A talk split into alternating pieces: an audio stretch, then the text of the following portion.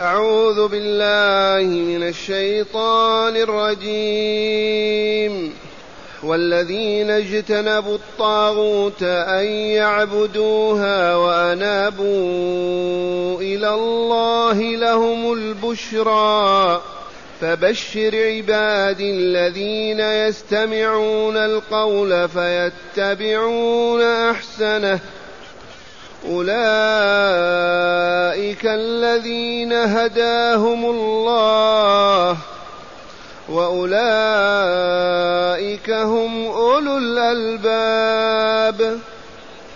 أفمن حق عليه كلمة العذاب؟ أفأنت تنقذ من في النار؟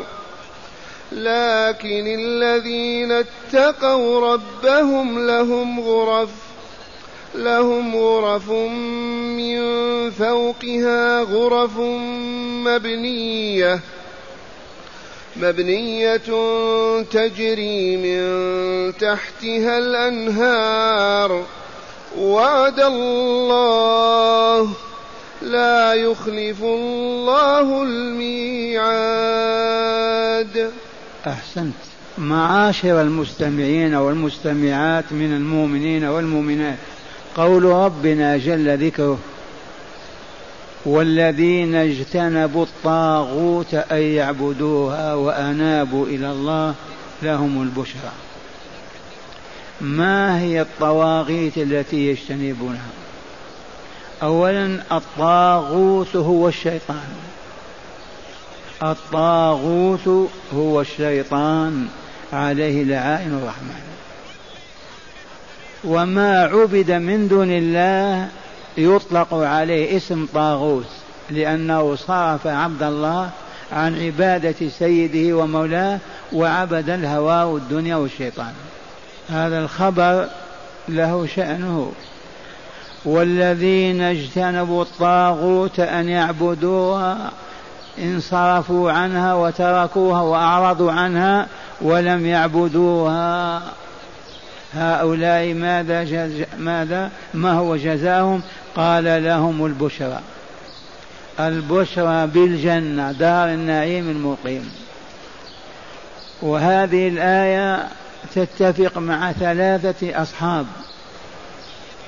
أولهما زيد بن عمرو بن نوفل النفيلي والثاني أبو ذر الغفاري. والثالث والثالث سلمان الفارسي. هؤلاء ثلاثة أبوا أن يعبدوا غير الله في الجاهلية. وتذكرون سلمان انتقل من دار فارس من بلد إلى بلد حتى دخل المدينة. هؤلاء الثلاثة عرضت عليهم عبادة غير الله ما استساغوها. ما اطمأنوا إليها ما عبدوا غير الله في الجاهلية. لما جاء الإسلام دخلوا فيه فرحين مسرورين مستبشرين. فالآية تتناولهم. إن والذين اجتنبوا الطاغوت أن يعبدوها وأنابوا إلى الله بعد ذلك ورجعوا إليه فأسلموا على يد رسول الله محمد صلى الله عليه وسلم. لهم البشرى. من ساق لهم البشرى وبشرهم بها الله جل جلاله وعظم سلطانه. فهم والله لمن أهل الجنة. فوالله إنهم لمن أهل الجنة. هذه بشرى الحكيم العليم لهم. ويدخل في هذا كل من يعرض عن عبادة غير الله ولا يلتفت إليها وينوب إلى الله ويرجع إليه ويعبده بما شاء من عبادته. والله له البشرى التي ذكر تعالى هنا بقوله لهم البشرى. والبشرى في الدنيا بالرؤيا الصالحة في القبر في البعث والحشر الجنة هي البشرى العظيمة. والذين اجتنبوا الطاغوت أن يعبدوها. قلت لكم الطاغوت هو إبليس هو الشيطان. والطواغيت هم الذين يصرفون عن عبادة الله. فكل صنم طاغوت كل حجر طاغوت كل شهوة طاغوت كل ما يصرف عن عبادة الله سمه طاغوت ولا تخف. والذين اجتنبوا الطاغوت ابتعدوا عنها وتركوها وما زالوا ما دخلوا في الإسلام بعد ثم أسلموا ودخلوا في الإسلام. قال تعالى لهم البشرى. عرفتم البشرى ما هي فيه أعظم من الجنة؟ لا بشرى أعظم من الجنة. مع أن لهم البشرى الرؤيا الصالحة يشاهدونها اليوم قبل موتهم. ثانيا عند الوفاة تأتي الملائكة وتبشرهم قبل نزع الروح. واقرأوا لذلك قول الله تعالى في آيتين من كتابه إن الذين قالوا ربنا الله ثم استقاموا تتنزل عليهم الملائكة ألا تخافوا ولا تحزنوا وأبشروا بالجنة التي كنتم توعدون. قبل أن تخرج روحه وهو على سرير الموت والملائكة تنزل من السماء وتبشر قبل أن تخرج روحه ثم يؤخذ تؤخذ روحه إلى الملكوت الأعلى وتعود إلى القبر. ثم قال تعالى فبشر عباد يا رسولي يا أيها المبلغ عني بشر عبادي. من هم من عبادي الذين يبشرهم؟ قال تعالى الذين يستمعون القول فيتبعون أحسنه. بشرهم يا رسول الله بشروهم أنتم. الذي يستمع القول من من يقول فيترك باطله وهراءه وكذبه وفاسده ويأخذ بما هو أحسن. نظام نظام أولياء الله. عندما يستمعون القول ما يأخذون إلا بما فيه رضا الله عز وجل. لا يأخذون إلا بأحسنه. وتتناول أيضا الآية معنى آخر وهو لما تسمع الفضيلة في شيء وتسمع الواجب تأتي بالواجب دون الفضيلة. الواجب أولى. تأخذ بالذي هو عزم. كل هذا صالح للبشرى. فبشر عبادي الذين يستمعون القول هم يستمعونه فيتبعون أحسنه ويتركون سيئه وحسنه أيضا. عرض علينا عارض الآن فضيلة من الفضائل. ذات وجهين وجه أعلى وجه دون ذلك. هذه الطبقة من المؤمنين تأخذ بالأعلى وتترك الأدنى. الذين يستمعون القول فيتبعون أحسنه. وهذا عام أيضا تجلس في جماعة تسمع من يتحدث ما تأخذ إلا بما هو قول صحيح. والباطل والسيء لا تأخذه ولا تأويه ولا تتكلم به. هذا نظام أولياء الله الصالحين الذين أمر الرسول بأن يبشرهم. فبشر عبادي الذين يستمعون القول فيتبعون أحسنه أحسن القول. حتى حسنه ما يتبعون أفضله وأعلاه. ثم قال تعالى أولئك الذين هداهم الله. إعلان عظيم. أولئك السامون الأعلون. أفاضل الناس. أولئك الذين هداهم الله. فآمنوا به وعبدوه بما شرع لهم وتركوا عبادة غيره وتجنبوا ما حرم عليهم ونهاهم عنه في الأقوال والأعمال والاعتقادات. هداهم الله هنيئا لمن هداه الله. وهنا الهداية لا تطلب إلا من الله إذ لا يملكها إلا الله. الهداية خاصة بالله هو الذي يهدي من يشاء ويضل من يشاء بحكمه العالية وعدله الرحيم. فمن طلب الهداية فليطلب من الله. وها نحن في كل ركعة نقول اهدنا الصراط المستقيم. طلبوا هداية وإلا لا؟ بعدما نحمده ونثني عليه ونمجده ونتملقه نقول اهدنا الصراط المستقيم. الحمد لله رب العالمين مدح والا لا الرحمن الرحيم ثناء والا لا مالك يوم الدين تمجيد والا لا إياك نعبد وإياك نستعين تملق وإلا لا لا نعبد إلا أنت ولا نستعين إلا بك. بعد هذا كله نقول اهدنا الصراط المستقيم. إذ لا يملك الهداية إلا الله. لا يملكها رسول ولا ملك ولا ولا. نبينا ما كان يملكها. لو ملك لهدى الناس أجمعين. أولئك الذين هداهم الله. إلى أين؟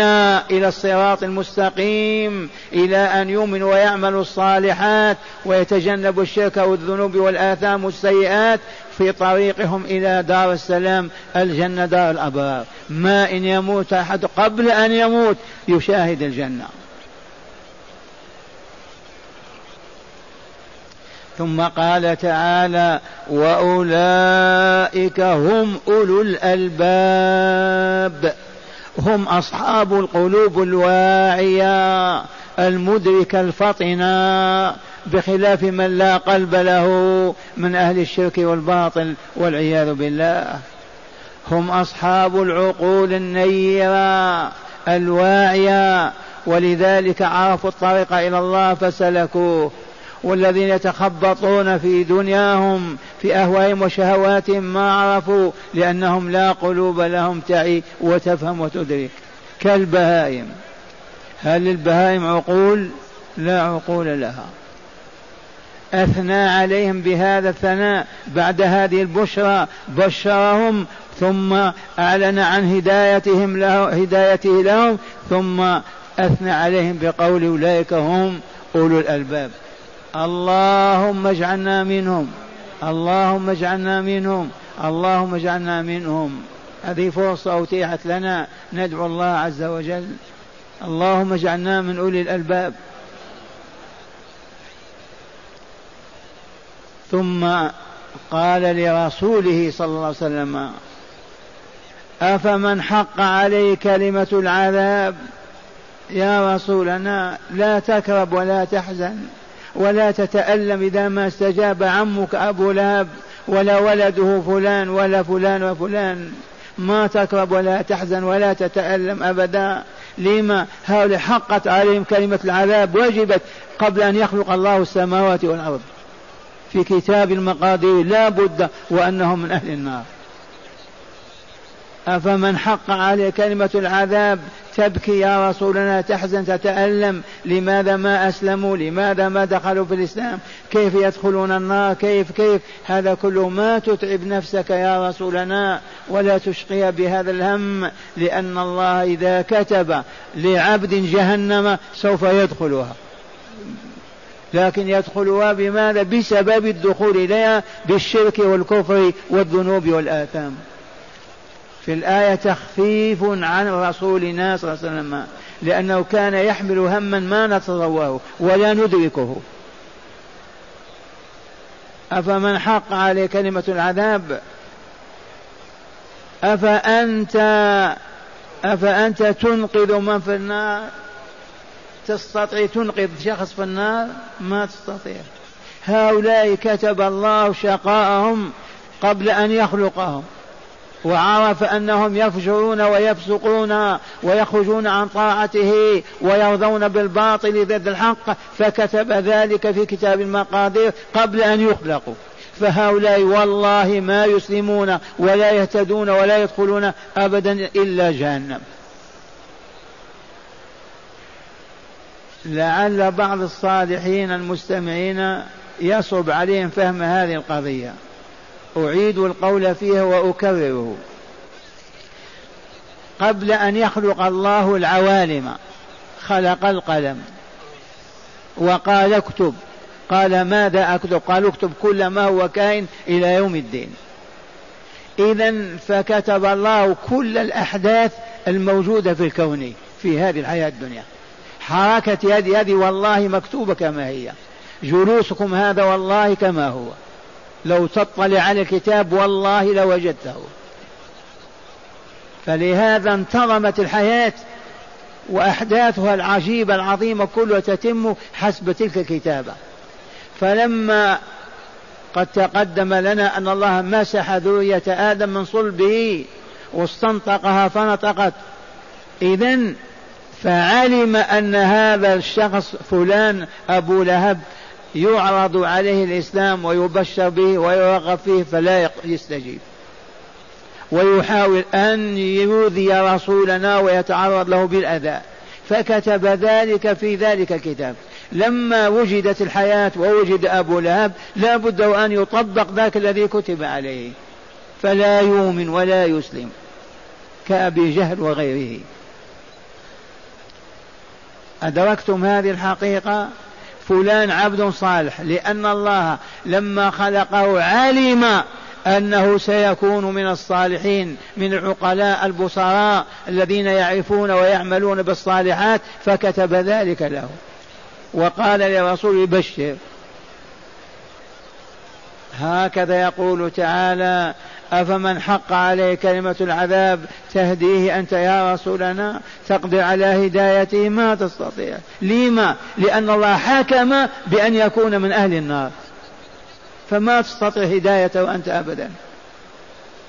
تدعوه بالتي أحسن أما بالعنف والشد على أن يؤمن ما يؤمن.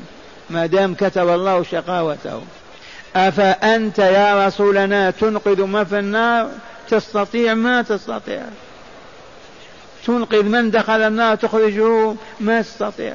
إذا فلا تكرب ولا تحزن ولا تتألم. وادع إلى الله إلى دينه إلى التوحيد بالتي هي أحسن. من استجاب أجاب ومن أعرض أعرض.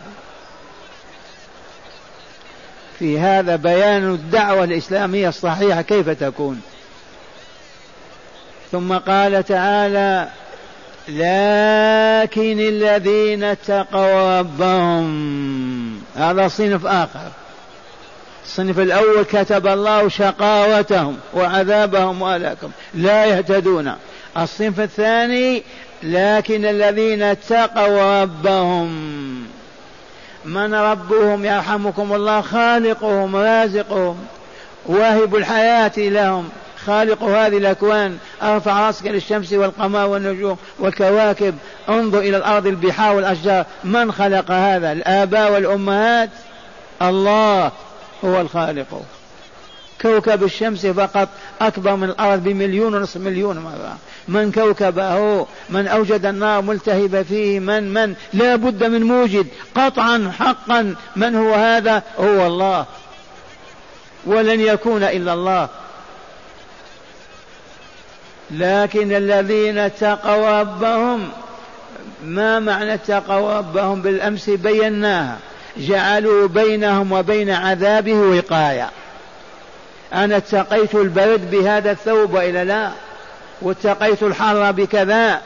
اتقيت الله أي اتقيت عذابه وغضبه عليك؟ بأي شيء تتقيه باللباس بالثياب بالمال بالظل بالحرارة بما؟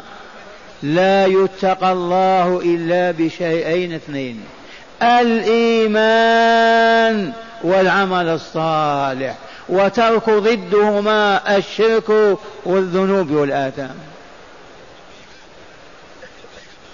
بما يتقى الله نتقي الحر والبرد والأفاعي والحيات واللصوص بالسلاح نتقيهم وإلا لا؟ الله كيف نتقيه بما نتقيه بالإيمان والعمل الصالح.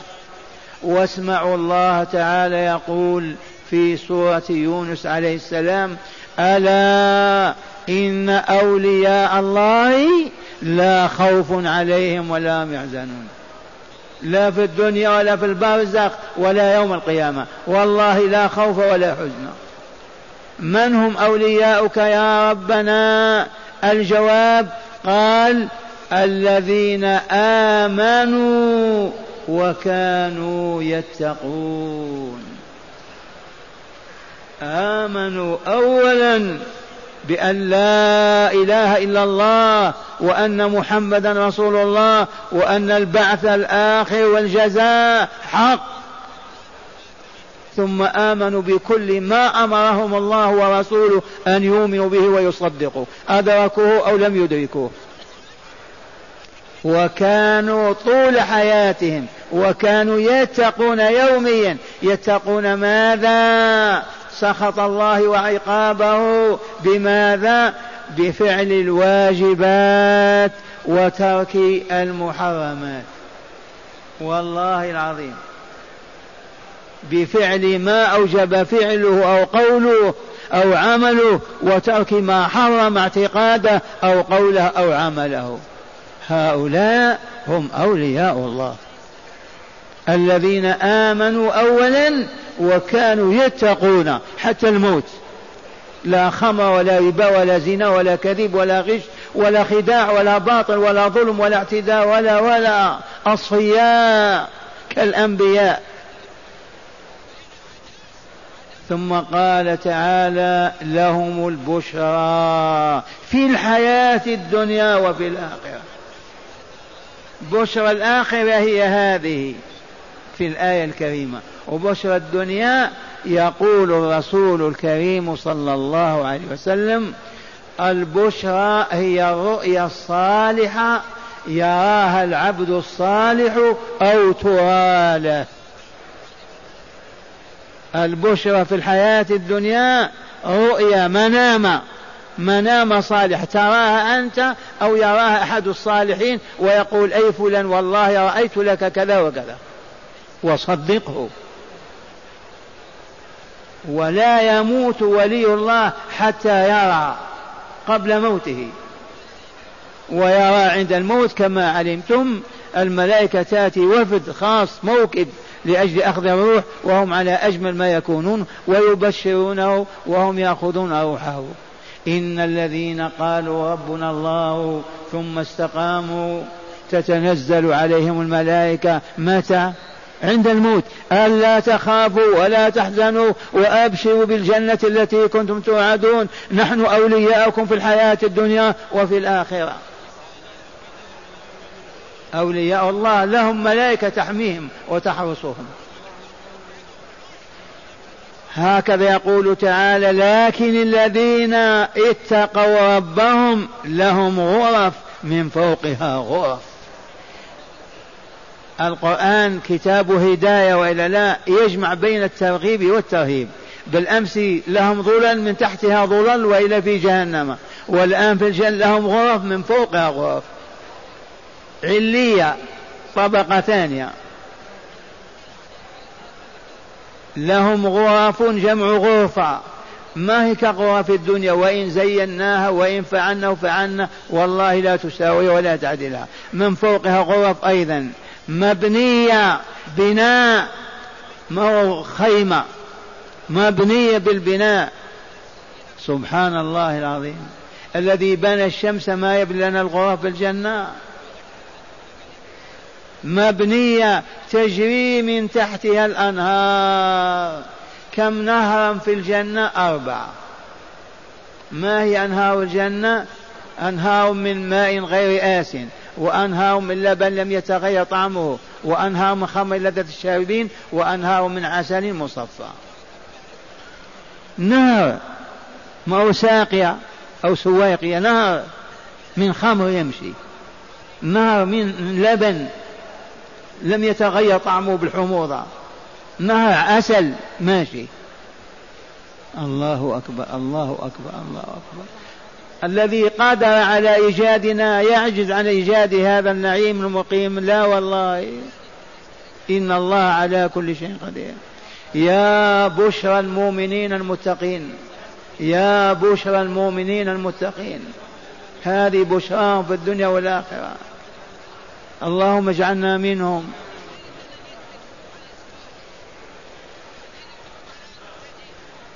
إن لكن الذين اتقوا ربهم لهم غرف من فوقها غرف مبنية تجري من تحتها الأنهار بين خلال الأشجار والمباني الأنهار تجري. ثم قال تعالى وعد الله. وعدهم الله وعده هذا هذا الذي سمعتموه وعد الله وعد به أولياء المؤمنون المتقون. ليسوا أولئك الذين كانوا يدجلون ويكذبون ويفجرون بنساء تلامذتهم وبعد ما يموتون يبنون عليهم القبور ويدعون أنهم أولياء. من هو الولي يا عباد الله؟ قبل فترة يقول لك سيدي عبد القادر مولاي فلان سيدي مبروك ما يعرفون وليا بين الناس أبدا. لا إله إلا الله. يا عباد الله ماذا فعل الثالوث الأسود؟ ماذا فعل المجوس واليهود والنصارى؟ ضربات عنيفة. يسلبون من أذهان وقلوب المسلمين وجود ولي بين الناس إلا إذا مات وبنوا على قبره. لماذا هذا؟ الجواب من أجل أن يستبيح المسلمون نساء إخوانهم وأموالهم وأعراضهم ودماءهم. لأننا نعرف وهم يعرفون أن أن المؤمن ما يستطيع أن يؤذي ولي الله. والله ولو بكلمة. المؤمن الحق يؤذي مؤمنا. والله يقول من آذى وليا فقد آذنته بالحرب. عارفون معرفة يقينية أن المؤمن لا يؤذي المؤمن أبدا. ثبات إذا كان المؤمن ولي الله. هيا نسلب ولاية الله عنهم ونجعل في الموتى ونتركهم ما يعترفون بالولاية لبعضهم البعض فينكحوا نساء بعضهم بعض ويأكلون أموالهم وما إلى ذلك. وقد ذكرت غير ما مر العظة للعبرة. في مجلس نحن جالسون يتحدث أولئك المشايخ والرجال قالوا فلان إذا زنى إذا فجر وهو جنوب ما يمر بسيد فلان بل يمشي في طريق آخر. يستحي يخاف من الولي الميت إذ هو زنى وفجر بامرأة أخيه أو بنت أخيه ويخاف من الولي الميت حتى ما يمر عليه. وإن شئتم حلفتم لكم بالله. لقد حدث هذا في أمة الإسلام من أندونيسيا شرقا إلى موريتانيا غربا. طيلة قرون ما يعرفون الولي إلا من مات. ومن ثم يستبيحون أموالهم أموالهم وأعراضهم ودماءهم. لأنه لو كان يعرف أنه ولي ما يؤذيه أبدا. فسلبوا هذه الولاية منهم. كما فعلوا بالقرآن. القرآن من أندونيسيا إلى موريتانيا قرون عديدة. والله ما يجتمع عليه اثنان ليتدبروه ويتدارسوا أبدا. لا يقرؤونه إلا على الموتى. عرف الماجوس واليهود والنصارى أن القرآن روح سماه الله روحا. والروح لا تكون الحياة إلا بالروح. فقالوا هيا نفقدهم هذه الروح فمنعونا من تدبر القرآن وتفسيره وقالوا تفسير القرآن صوابه خطأ وخطأه كفر. فماذا نصنع بالقرآن؟ نقرأ على الموتى. هكذا. فالهبوط الذي هبط واستعمر العالم الإسلامي واستغل سببه الموت. أماتونا أولا وبعد ذلك سادونا وحكمونا. لا إله إلا الله. هكذا يقول تعالى تجري من تحتها الأنهار وعد الله لا يخلف الله الميعاد. إي نعم. يخلف الميعاد العاجز. يعدك وما يستطيع يخلف عاجز. أما الذي يقول الشيء كن فيكون على الفور. هذا يعجزه شيء. يخلف وعده. وعدناكم ولكن عجزنا. مستحيل هذا عن الله عز وجل. لا يخلف الميعاد لقوة وقدرته على إيجاد ما وعد به وإعطائه لعباده الموعودين. ومع هداية هذه الآيات. بسم الله والحمد لله والصلاة والسلام على خير خلق الله سيدنا ونبينا محمد وعلى آله وصحبه. من هداية هذه الآيات أولا كرامة زيد بن عمرو بن نفيل وأبي ذر الغفاري وسلمان الفارسي إذ هذه, إذ هذه الآية تعنيهم فقد رفضوا عبادة الطاغوت في الجاهلية قبل الإسلام ثم أنابوا إلى ربهم فصدقت الآية عليهم. كما سمعتم قلنا ثلاثة أنفار هما عم عبد زيد بن عمرو بن النفيل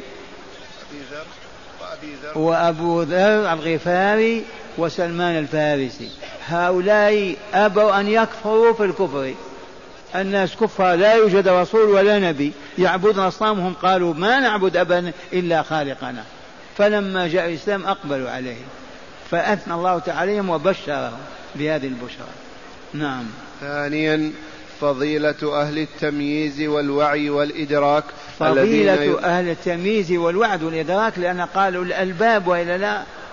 فضيلة أهل الإدراك والتمييز والفهم والوعي لكن الجهال الذين يتخبطون في الحياة نعم. قال فضيلة أهل التمييز والوعي والإدراك الذين يميزون بين ما يسمعون فيتبعون الأحسن ويتركون ما دونه من الحسن والسيء. يتبعون الأحسن ويتركون ما دون الأحسن للحسن والسيء. كما علمتم. نعم. ثالثا إعلام من الله تعالى. أن من وجبت له النار أزل النار أزلا لا تمكن هدايته مهما بذل الداعي في هدايته وإصلاحه ما بذل. نعم من وجبت له النار لا يمكن أن يهتدي أبدا ولا تقوى على هدايته أبدا. فلهذا ادعو فقط ولا تكرب ولا تحزن قل لما ما آمن.